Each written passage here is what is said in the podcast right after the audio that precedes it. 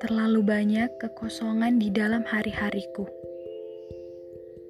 Aku tidak tahu bagaimana caranya aku mengisi kekosongan itu.